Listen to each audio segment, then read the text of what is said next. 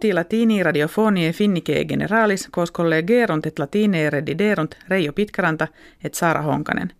In studio Helsinkiensi estetiam Laura Nissiin.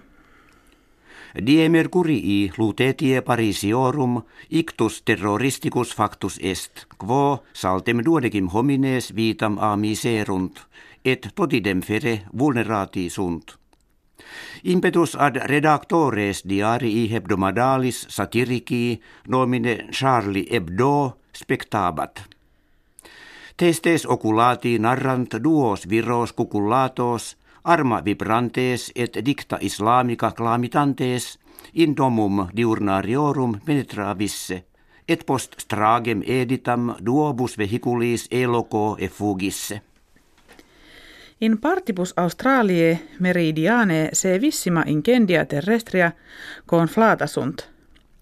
Multa milia in colarum ut e periculo e vaderent domos relinquere coacta sunt. Magistratus describunt conditionem rerum in illa regione difficiliorem esse quam unquam his ginta annis. Difficultates ventis vehementibus et tempestate est tuosa augentur.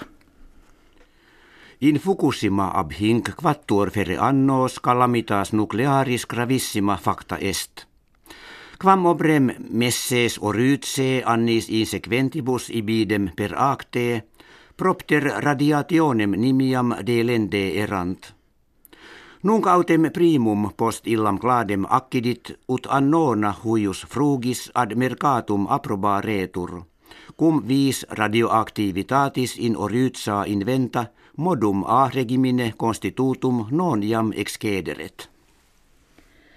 Quartus quisque europeus nimio vehiculorum strepitu laborat. Ut ex sede circumjectali europea annuntiatur. Quo effici ut etiam decem milia hominum quod annis premature moriantur. Numerum eorum qui strepitui commeatus expositi sint in urbibus Luxemburgi, Bulgarie, Belgii maximum esse. Autokineeta electrica maximum in Europa gratiam in Norvegia sibi conchilia verunt. Anno enim proximo ibidem amplius unum et viginti milia vehiculorum eius generis usu recepta sunt kve copia duplo major est quam anno superiore. Moderatores Norvegie mercatui autoredarum electricarum favent, cum sciant eas circumjectis minime nocere. Ex interrogatione publica nuper divulgata apparet majorem partem finnorum tensionibus internationalibus crescentibus Russiam non timere – Plus sexaginta centesime respondentium credebant periculum non esse ne Russia in proximo futuro securitati finnie immineret.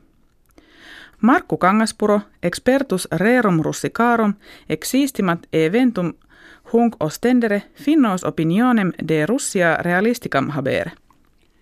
Novo anno in eunte complures mense nummarie in Finlandia aut vitiis laborabant aut omnino non bantur.